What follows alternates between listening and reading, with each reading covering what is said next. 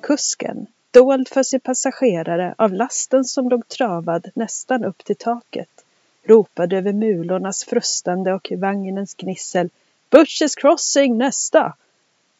Ja, här i Butchers Crossing så kliver passageraren Will Andrews av. Han är i 20-årsåldern och har precis lämnat studierna vid Harvard för att eh, söka sig ut till de stora vidderna. Tiden den är 1870-tal. Och här i den lilla byn Butchers Crossing som har såväl salon som hotell så finner han lockelsen i jakten på buffel.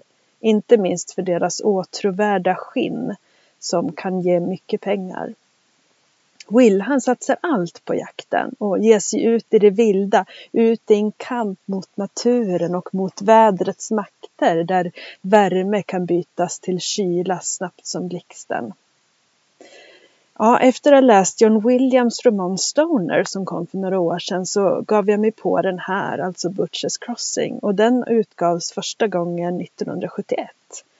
Och jag var lite skeptisk innan jag började läsa för kan det här med en, en jakthistoria, en äventyrsberättelse verkligen vara någonting för mig?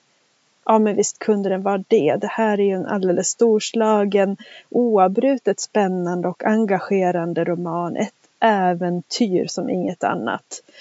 Och jag påminns om varför jag kanske till större delen läser. Ja, men det är ju inte för att få bekräftelse och spegla mig i texterna utan för att få vara någon annan för en stund. Eh, för att se världen genom andra ögon. Och i det här fallet genom Will Andrews ögon.